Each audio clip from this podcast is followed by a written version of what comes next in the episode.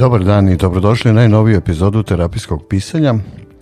Danas u jednoj priči o tome šta je to zapravo, koji su glavni razlozi za terapijsko pisanje i to će biti tema današnje moje emisije koja može da ima formalni razlog, e, tri razloga za terapijsko pisanje recimo, ali zapravo ću se potruditi da budu više i možda bi ova emisija zapravo bolje bila da se zove razlozi za terapijsko pisanje pisanje. E, naime, mnogi klijenti me pitaju zašto pišemo praktično, čemu služi terapijsko pisanje, e, kakva je korist e, od toga.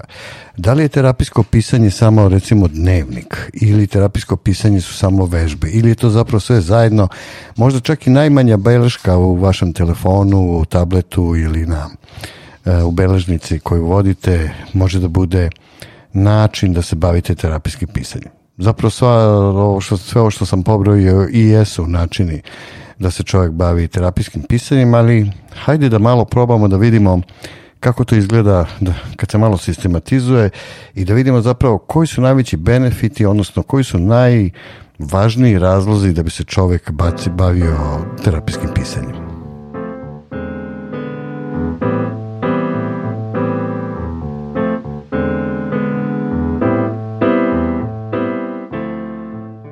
Možda je najočiglednija korist od e, terapijskog pisanja zapravo korist vođenja ličnog dnevnika. E, korist e, vođenja ličnog dnevnika ili beleški zapravo je katarza. Šta je to katarza? I to je ta neka čujna reč koju koristimo kada govorimo o, o knjiženosti, o drami, o često i na psihoterapiji različitih modaliteta. Praktično katarza je ključni benefit koji čovjek terapeutski benefit ili isceliteljski benefit koji čovjek dobija kada piše, kada pre svega piše u terapijske svrhe. Sama reč katarza potiče iz grčkog jezika i znači očistiti ili isprazniti, ali bolje je ovo očistiti, zapravo neka vrsta pročišćenja. E, u terapijskom pisanju Praktično, katarza se odnosi na proces svesnog doživljavanja dubokih emocija koje su prethodno bile potisnute, čime se pomeraju na površinu i dozvoljavaju im da izađu. Taj efekt možemo da vidimo recimo u književnosti ili u drami ili u nekom doživljaju umetničkog dela, pa čak i u filozofskom uvidu u stanje stvari. To je ono kad vam bude jasno nešto recimo. Prvo doživite emotivno neku ideju, neku misao, prepoznate neku određenu situaciju i onda praktično kroz taj reverzibilni i povratni proces u vama se oslobađa nagomilana emocionalna energija kroz doživljavanje i izražavanje emocija. To je ono kad ste sa nekom dobrom knjigom, sa nekim dobrim tekstom, kada ste u pozorištu ili gledate neki film, pa plačete. Znači, to je recimo jedna od prvih tih reakcija kada bolne emocije koje ste prepoznali e, izvan sebe, znači na ekranu, u knjizi, u nekom tekstu, u onome što ste napisali, kada zapravo prorade te vaše unutrašnje duboke emocije u prepoznavanju sličnih obrazaca, ideja i događaja ili trauma i onda dolazi pročišćenje u obliku recimo suza, pa nekad i smeha, tuge ili nečeg sličnog. Sličan proces se zapravo događa i kad pišete i u tome je najvažnija zapravo ideja e, terapijskog pisanja i njegov glavni isceliteljski efekt.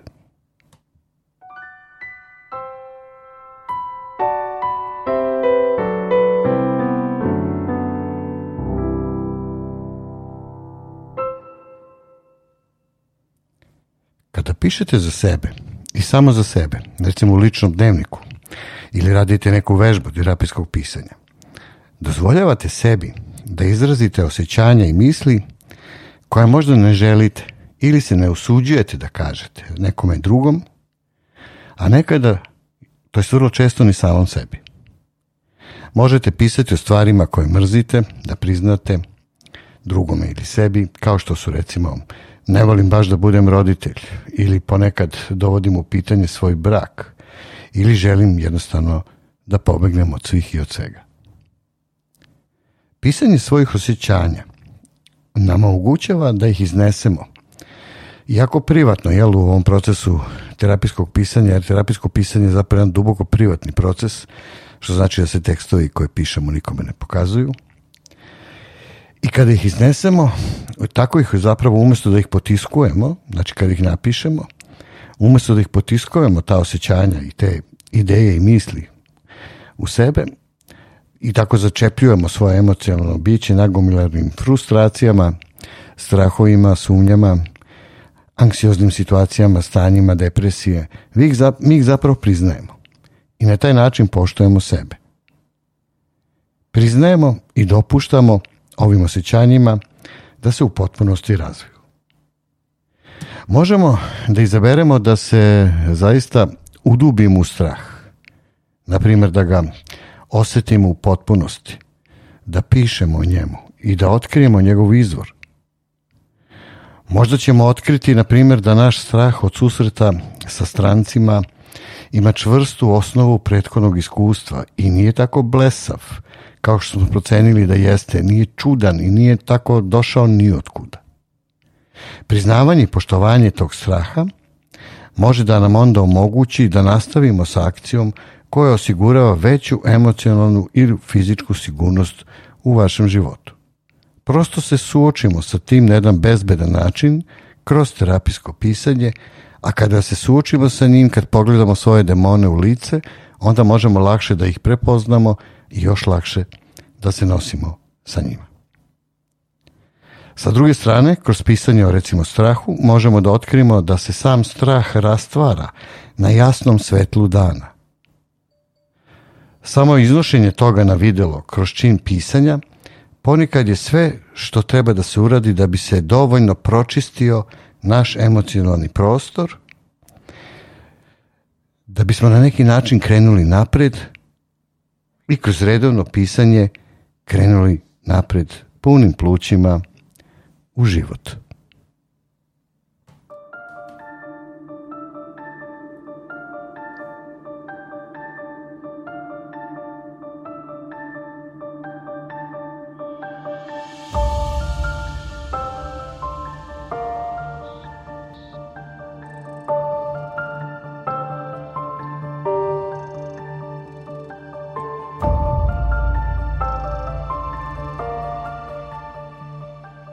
da pišemo iskreno i bezrezervno, ne samo o događajima u svom životu, već i o svojim osjećanjima, rastarećujemo nam se emocije koje nas obuzimaju i sprečavaju da postignemo ono što želimo da postignemo ili da budemo osoba kakvim smo stvarno želeli da budemo. Čak i ako ništa drugo ne radimo sa svojim pisanjem, već pišemo svoje iskrene osjećanja, iskusit ćemo prednosti katarze. Čišćenje, osjećanje, pročišćenje i olakšanja.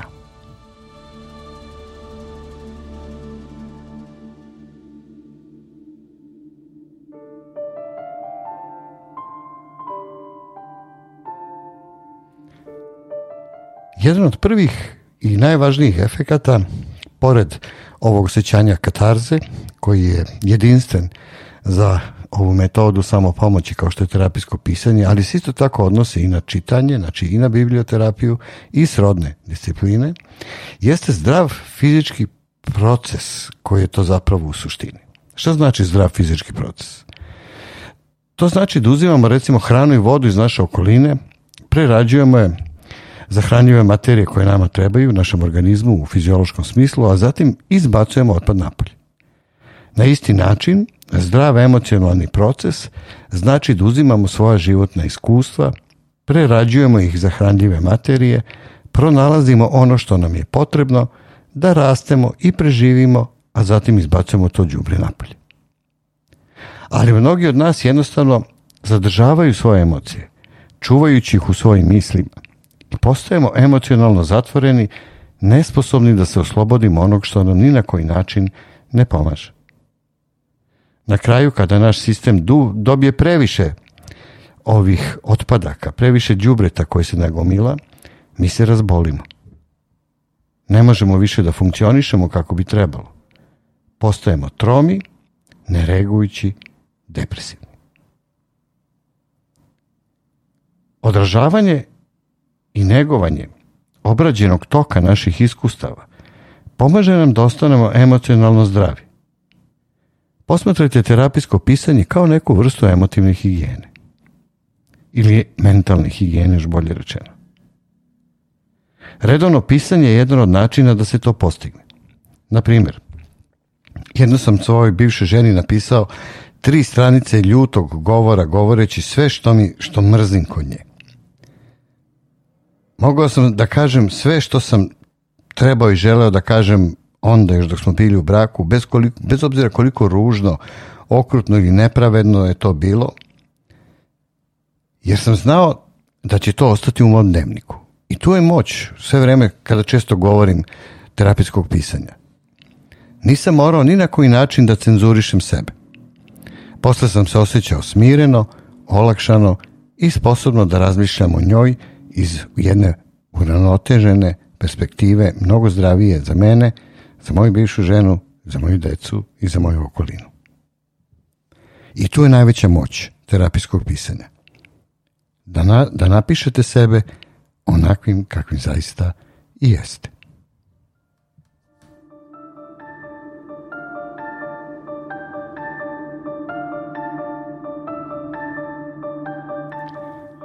Važno je kad pišete za emotivno isceljenje, da pišete što je moguće iskrenije.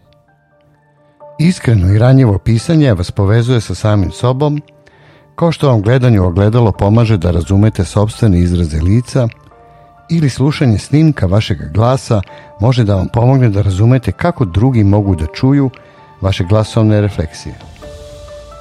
Pisanje o teškim ili štetnim iskustvima, opisivanje događaja – ponovo kreiranje razgovora, bola, emocija i priznavanje emocija koje još uvijek postoje u vama dok pišete, može vam pomoći da se izlečite. Pisanje o ovim događajima, bilo da su se desili pre nekoliko godina ili jutros, omogućava vam da se krećete kroz njih, da ih procesuirate. Zadržite ono što vam je potrebno da rastete i oslobodite nepotrebne misli i osjećanja, prosto da se iscelite.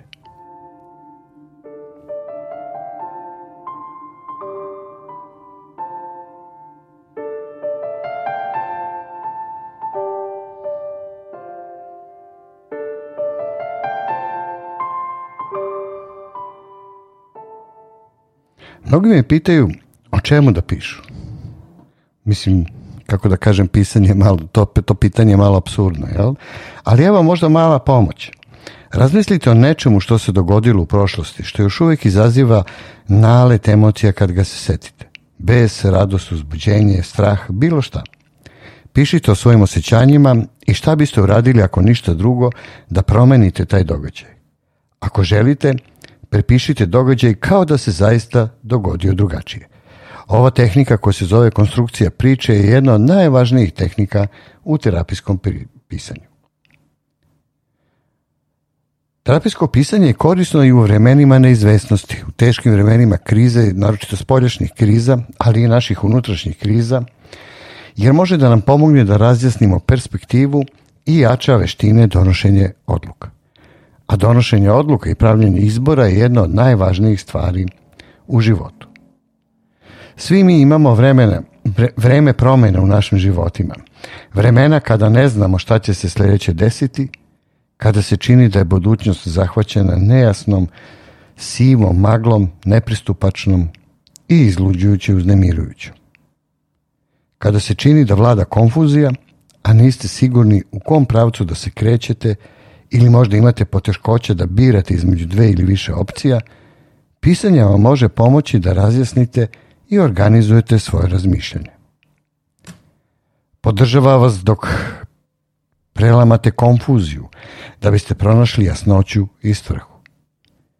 Istražujući osjećanja koje okružuju svako moguće rješenje ili pravac, stičete samo spoznaju koja vam pomaže da donosite teške odluke i idete napred. Kada pišete o svom životu, rasvetljavate svoje razloge za putovanje u određenom pravcu i kada ste u nedoumici, to vam pomaže da otkrijete osnovne izvore nezabune, problema ili nekakve traume.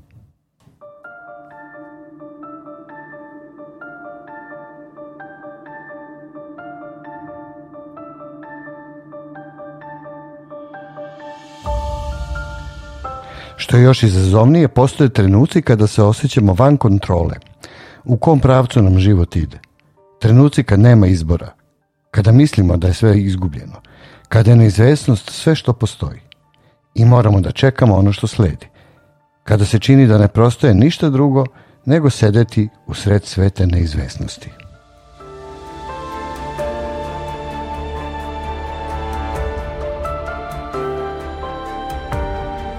Ja sam osoba koja se bori sa stresom tako što će preduzeti akciju i mislim da nema gotovo ništa teže od osjećanja da je nešto stvari van kontrole i čekanja da se nešto desi ili pri neka prilika da se ukaže. Pisanje je međutim nešto što mogu da kontrolišem. To je akcija koju mogu da preduzmem svaki dan, bez obzira šta se još dešava u mom životu.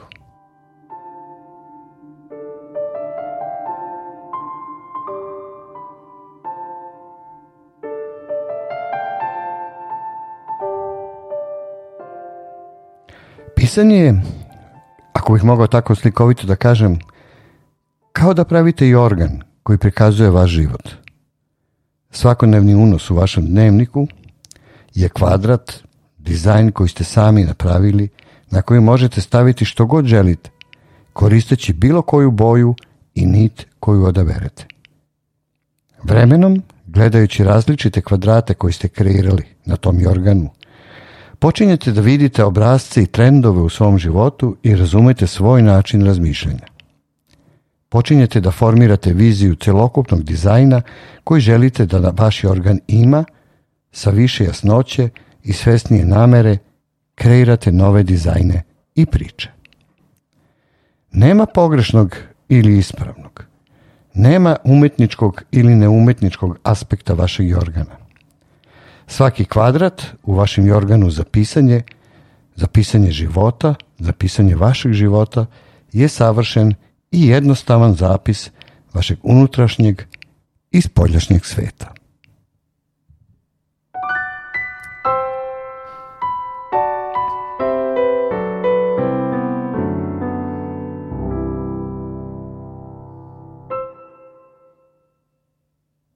Jedno od čestih pitanja kada govorimo o terapijskom pisanju jeste kako pisati, odnosno kada pisati i koliko.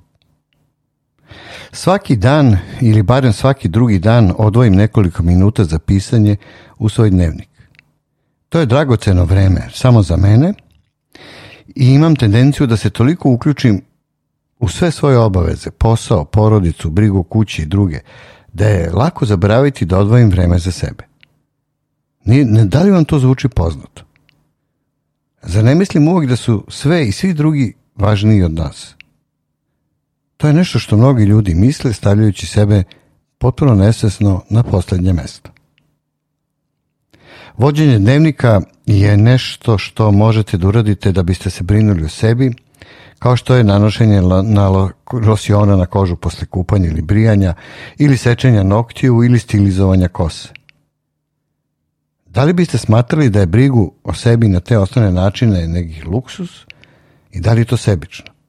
Ne mislim tako. I verujem da je jednako važno da se brinete o svom emocionalnom i duhovnom ja kroz tihu praksu kao što su pisanje ili meditacija. Lično verujem da pišem isto onoliko koliko mi je potrebno da očistim zube ili da se umije ujutru posle ustajanja. Zapravo to nije loša analogija, jer ako ne pišem, emocionalni pritisak se nakuplja, kao ili kao plak u našim venama, sve dok se moje blagostanje, dok se u mom organizmu ne formira proces truljenja izazivajući bol. I baš kao i čišćenje, odnosno pranje zuba, praktikovanje onog što propovedam, redovno pišem u svom ličnom dnevniku, zahteva disciplinu, posvećenost i što je još važnije, osjećaj da zaslužujem ovo vreme za sebe. Zapamtite da ponovim, zaslužujem i vi zaslužujete svoje vreme za sebe. Budući pisci, recimo u mojim radionicama kreativnog pisanja, često se brinu gde ću naći vremena za pisanje. Ljudi koji dolaze na moje terapijske radionice također pitaju gdje, ću, gdje i kada nađem vremena za pisanje kad već imam previše posla. Ako ste kao i oni zabrinuti da e, vrijeme koje ćete posvetiti pisanju dnevnika je nešto što je na posljednjem mjestu, razmislite o vremenu koje svakodnevno provodite brinući o svom telu i zapamtite da se pisanje dnevnika može postići za samo 10 minuta. Da li mislite da ovo zaslužuje tako mali dar vašeg vremena.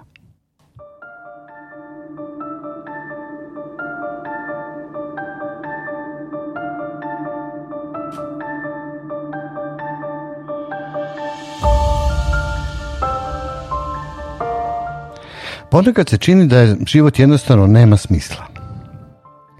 Loše stvari se dešavaju dobrim ljudima, a dobre stvari se dešavaju ljudima koji izgleda da ih ne zaslužuju. Svi naši fokusirani, neprekidni napori na jednoj stvari mogu propasti, ali nešto za što smo jedva radili izgleda kao da magično pada s neba i sleće u naše krilo. Nemoćno stojimo po strani dok nam deca pate od reči i ruku nasilnika u školi, naši najmiliji obolevaju od raka ili ne nestaju, nestaju poslovi. I pitamo se zašto. Verujem da svi životni događaji imaju značenje čak i kada izgledaju nasumično i besmisleno i da nam kreativni činovi poput pisanja dnevnika, terapijskih vežbi ili priča mogu pomoći da otkrijemo ličnu vrednost svakog iskustva. Kažem lična vrednost jer svako od nas ima nešto drugačije da nauči ili oduzme iz svega što nam se dešava u životu.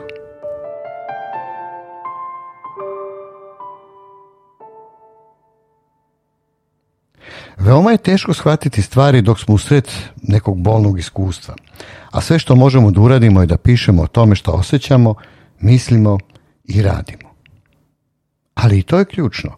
Ako smo kroz pisanje i umetnost zabeležili svoje unutrašnje percepcije i iskrene istine, dok smo se kretali kroz ove događaje uz pomoć terapijskih vežbi ili dnevnika, ne samo da ćemo izaći netaknuti i zdraviji, već ćemo posjedovati čuveni kovčeg sa blagom, jednu škrinju, punu vrednih uvida i darova koje možemo da okrenemo i ponudimo sebi i drugima. Kad god sam nešto dobro zapisao, uvijek sam mogao da se vratim na onom što sam napisao i vidim zajedničkoj niti protkane kroz obraste svega što se dogodilo. To je jedna od također vrlo moćnih stvari u terapijskom pisanju. Jer uvijek možete da se vratite onome što ste napisali, da pogledate istini u oči, da vidite svoj napredak, da vidite gdje ste grešili i da vidite kuda treba da idete. Kroz pisanje, a kasnije i čitanje, naučio sam da razumem šta sam stekao kroz svoje iskustva.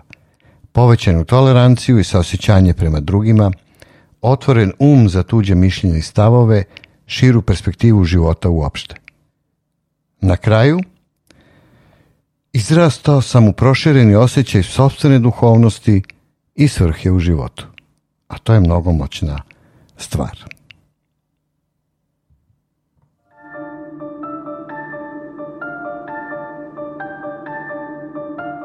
Ono što je bila katastrofa postalo je značajan poklon. Sa ili bez pisanja rastemo iz naših životnih iskustva. Pisanjem povećavamo našu sposobnost pristupa sobstvenoj unutrašnjoj mudrosti i snazi i dajemo sebi dar razumevanja.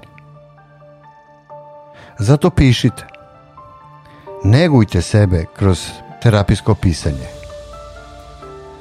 Vremenom osjetit ćete kako terapijsko pisanje može da bude isceljujuća stvar u našim životima. Zato napišite sebe. Kada napišete sebe, onda ćete znati kuda idete.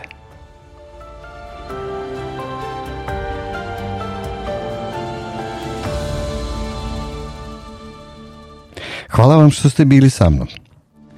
Nadam se da je ovo bilo korisno.